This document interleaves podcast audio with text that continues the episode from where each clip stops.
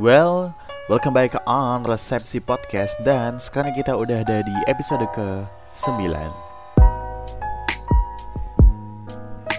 Yes, episode ke-9 Resepsi Podcast bakal ngebahas tentang bahasa cuy. Kalau kemarin di episode 1 sampai 8 kan udah bahas yang ya berbagai macam lah Yang mulai dari standarnya, sorry mulai dari definisi dari psikologi kognitif, kemudian ada neuroscience, ada memori, ada cara melupa dan lain sebagainya. Nah, sekarang di episode ke-9 gue mau ngebahas tentang struktur bahasa atau bahasa dan pemahamannya dalam otak manusia gitu ya otak manusia gitu ya. Oke langsung aja dimulai. Yang pertama kita mulai dengan struktur bahasa nih. Menurut Murcia dan Freeman pada tahun 99 mengemukakan bahwa dimensi tata bahasa adalah tata bahasa bukan hanya sekumpulan bentuk tapi merupakan keterlibatan tiga dimensi yang diacu oleh linguistik yaitu morfologi sintaksis, semantik, dan juga pragmatik.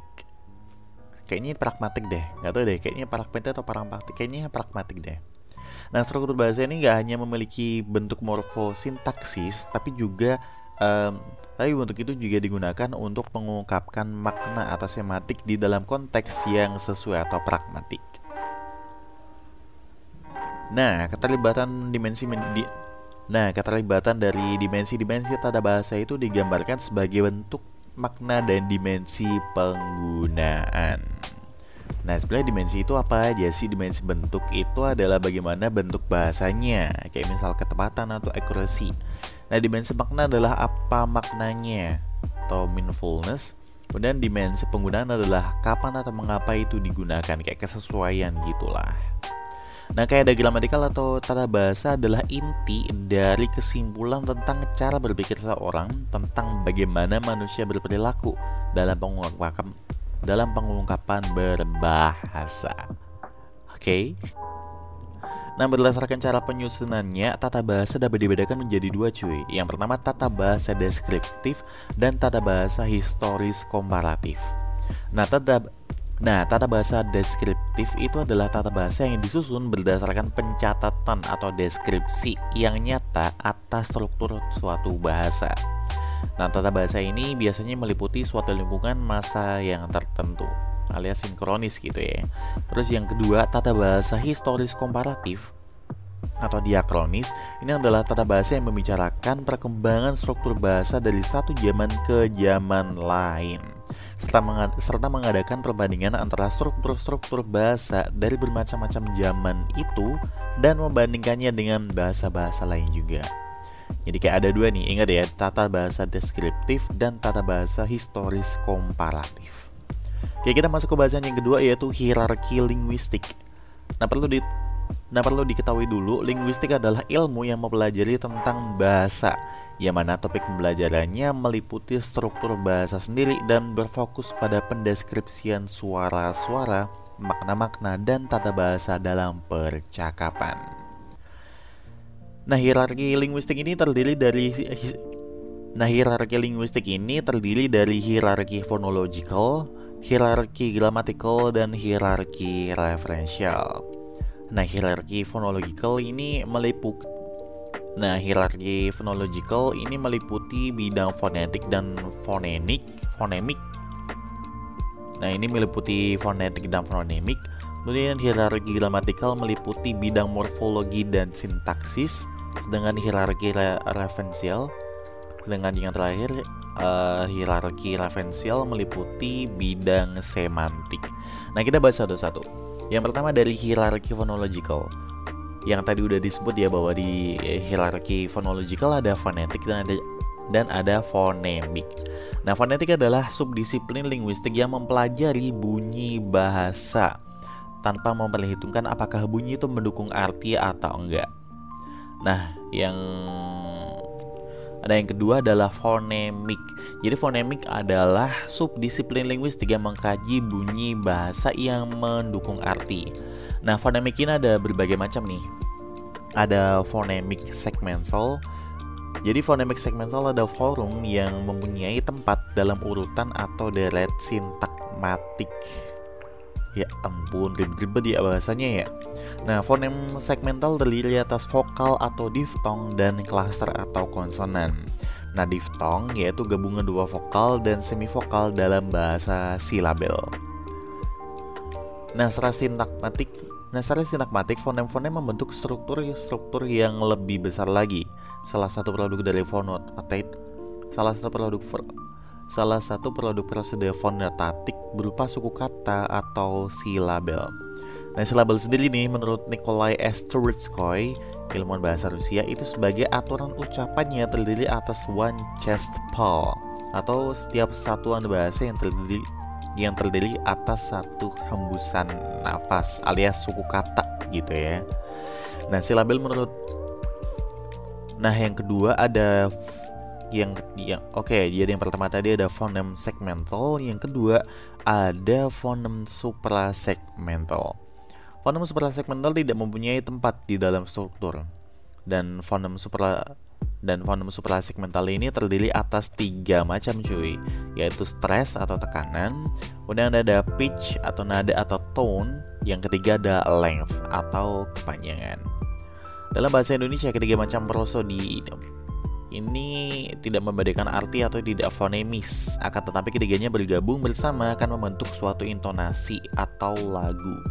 Nah, intonasi inilah yang membedakan arti dan biasanya terdapat pada kalimat. Nah, kayak misal gini nih, ada satu kata gitu ya, um, kata sebentar gitu aja. Dengan stres atau penekanan sorry kalau misal kita mau ngomongnya datar aja kayak misal sebentar itu kan beda kan ya? Terus sebentar. Dengan penekanan kemudian ada pitch sebentar. Itu kan beda-beda arti kan ya? Apalagi kalau leng tuh sebentar. Kan artinya udah beda tuh sama yang awal tadi kan sebentar. Itu kan udah beda kan? Makanya inilah yang dinamakan dengan fonem suprasegmental oke okay, kalau tadi kita udah bicara tentang fonem kita sekarang bicara tentang hierarki gramatikal. Nah, kalau tadi Nah, kalau tadi kita udah bicara tentang hierarki phonological, sekarang kita bicara tentang hierarki gramatikal. Nah, hierarki Nah, hierarki gramatikal ini ada berbagai macamnya nih. Yang pertama ada morfologi, yaitu subdisiplin linguistik yang mempelajari bentuk dan pembentukan kata. Ada morfem, ada morfonom, ada morfofonemik, terus dan lain sebagainya. Dari hierarki gramatikal kita langsung loncat ke hierarki referential. Nah, hierarki, nah, hierarki referential adalah hierarki kajian linguistik pada bidang makna atau semantik gitu ya. Punya dua disiplin punya dua subdisiplin lagi yaitu semantik leksial dan juga semantik gramatikal. Semantik leksial ini menyelidiki makna unsur-unsur unsur-unsur kosakata suatu bahasa secara umum sebagai satuan mandiri tanpa memandang posisinya dalam kalimat.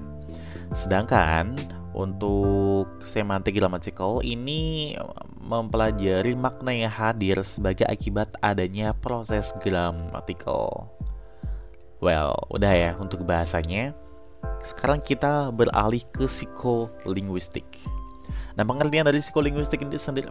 Nah, yang pertama kita langsung ke pengertian dari psikolinguistik. Jadi, seperti kita tahu bahwa psikologi itu berasal dari bahasa Yunani psyche dan logos yang berarti tentang ilmu jiwa dan lain sebagainya. Itu ya udah dijelasin. Kayak ya udah kita udah hafal luar kepala lah. Kemudian linguistik itu adalah ilmu tentang bahasa dengan karakteristiknya. Nah, jadi ling, uh, psikolinguistik ini adalah studi tentang proses mental-mental dalam pemakaian bahasa, cuy. Nah, ini udah disebutin sama Harley juga nih dalam dari Jowi Joyo pada tahun 2003. Udah disebutin gitu tadi nih. Udah disebutin gitu tadi nih bahwa psikolinguistik adalah studi tentang proses mental dalam pemakaian bahasa. Oke, jadi psikolinguistik ini mencoba untuk menguraikan proses-proses psikologis yang berlangsung jika seseorang mengucapkan kalimat-kalimat yang didengarnya pada waktu berkomunikasi dan bagaimana kemampuan bahasa diperoleh oleh manusia. Nah, jadi kayak misal dari definisi-definisi itu dapat disimpulkan bahwa psikolinguistik adalah gambaran mengenai studi ilmu interdisipliner dalam kajian linguistik yang mempelajari penggunaan dan proses terjadinya bahasa oleh manusia yang diperoleh dari proses memproduksi dan memahami ujaran antara pikiran dan tubuh manusia. Panjang banget kan? Karena lima banyak jadi kita langsung aja lanjut ke cabang-cabang psikolinguistik. Ada psikolinguistik teoritik, kemudian ada psikolinguistik perkembangan, ada psikolinguistik sosial, dan ada psikolinguistik pendidikan. Oh iya, ada ada lagi nih, yaitu neuropsikolinguistik, ada psikolinguistik eksperimental, dan psikolinguistik terapan. Oke, itu tadi tentang linguistik gitu ya. Dan sekarang kita bahas tentang neurologi dan bahasa.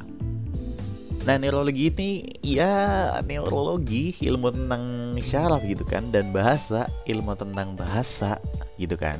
Jadi kayak ini masih mengkaji tentang ada nggak sih hubungan antara neurologi dan bahasa gitu ya. Dan ternyata ada nih ada nih kayak hubungan antara neurologi dan juga bahasa gitu kan. Yang fungsi-fungsinya yang pertama yaitu fungsi kebahasa kebahasaan otak.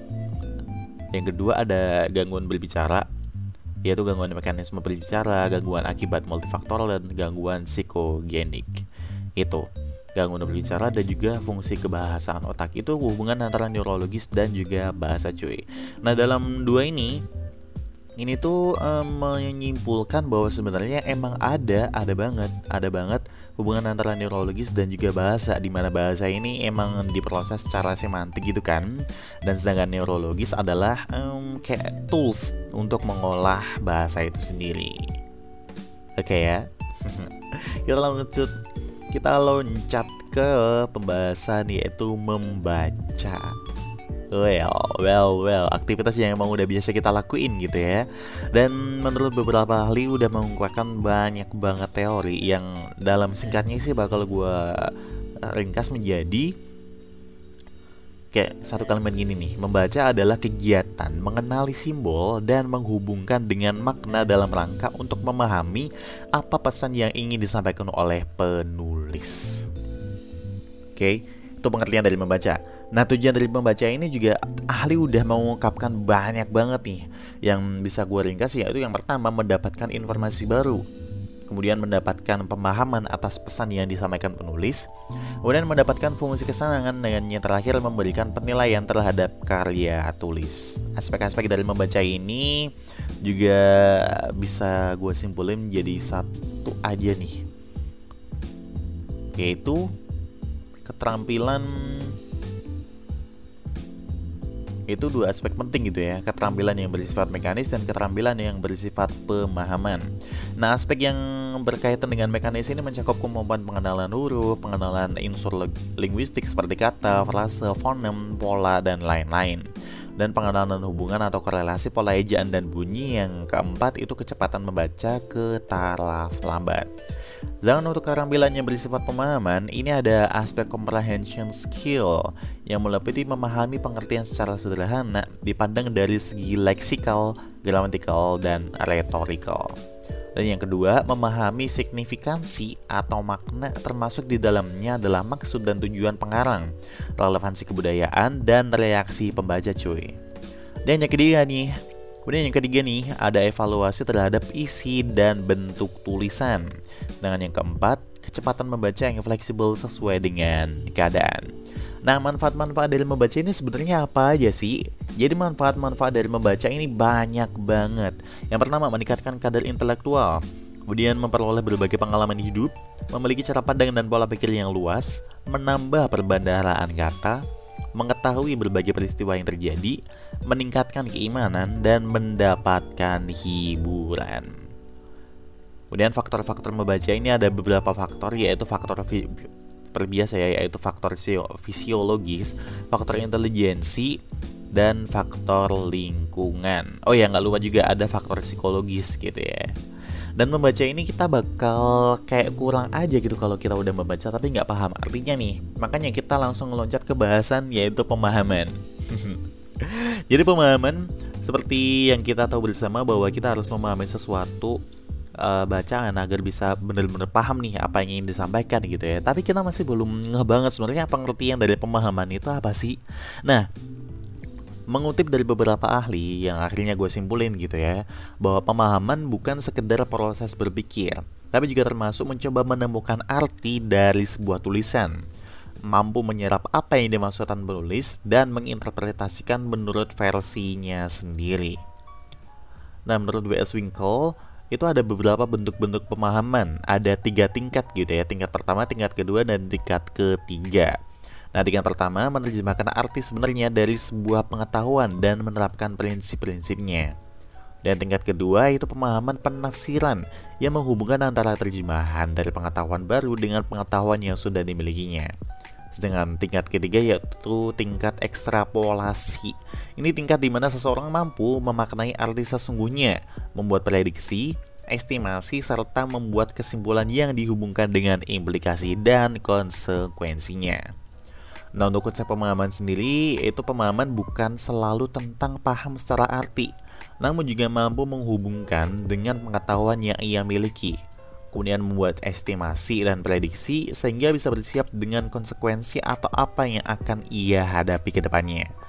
Jadi pemahaman memerlukan tingkat kognisi level tinggi Dan terlebih kalau misal udah masuk ke tahap ekstrapolasi That's why pemahaman itu butuh waktu dan butuh konsentrasi alias butuh atensi yang tinggi gitu ya. Udah kognisi tinggi atensi tinggi beh mantep nggak tuh? Ya udah gitu aja untuk episode ke-9 ini. Bahas tentang bahasa yang bahasanya panjang banget gitu ya. Ampun udah hampir 17 menit nih. Yaudah deh waktunya gue pamit ya. Dan jangan ke mana-mana karena di episode ke-10 nanti bakal gue upload lagi tentang bahasan yang lebih menarik tentunya. Oke? okay? Gua pamit, see you next time. Bye now.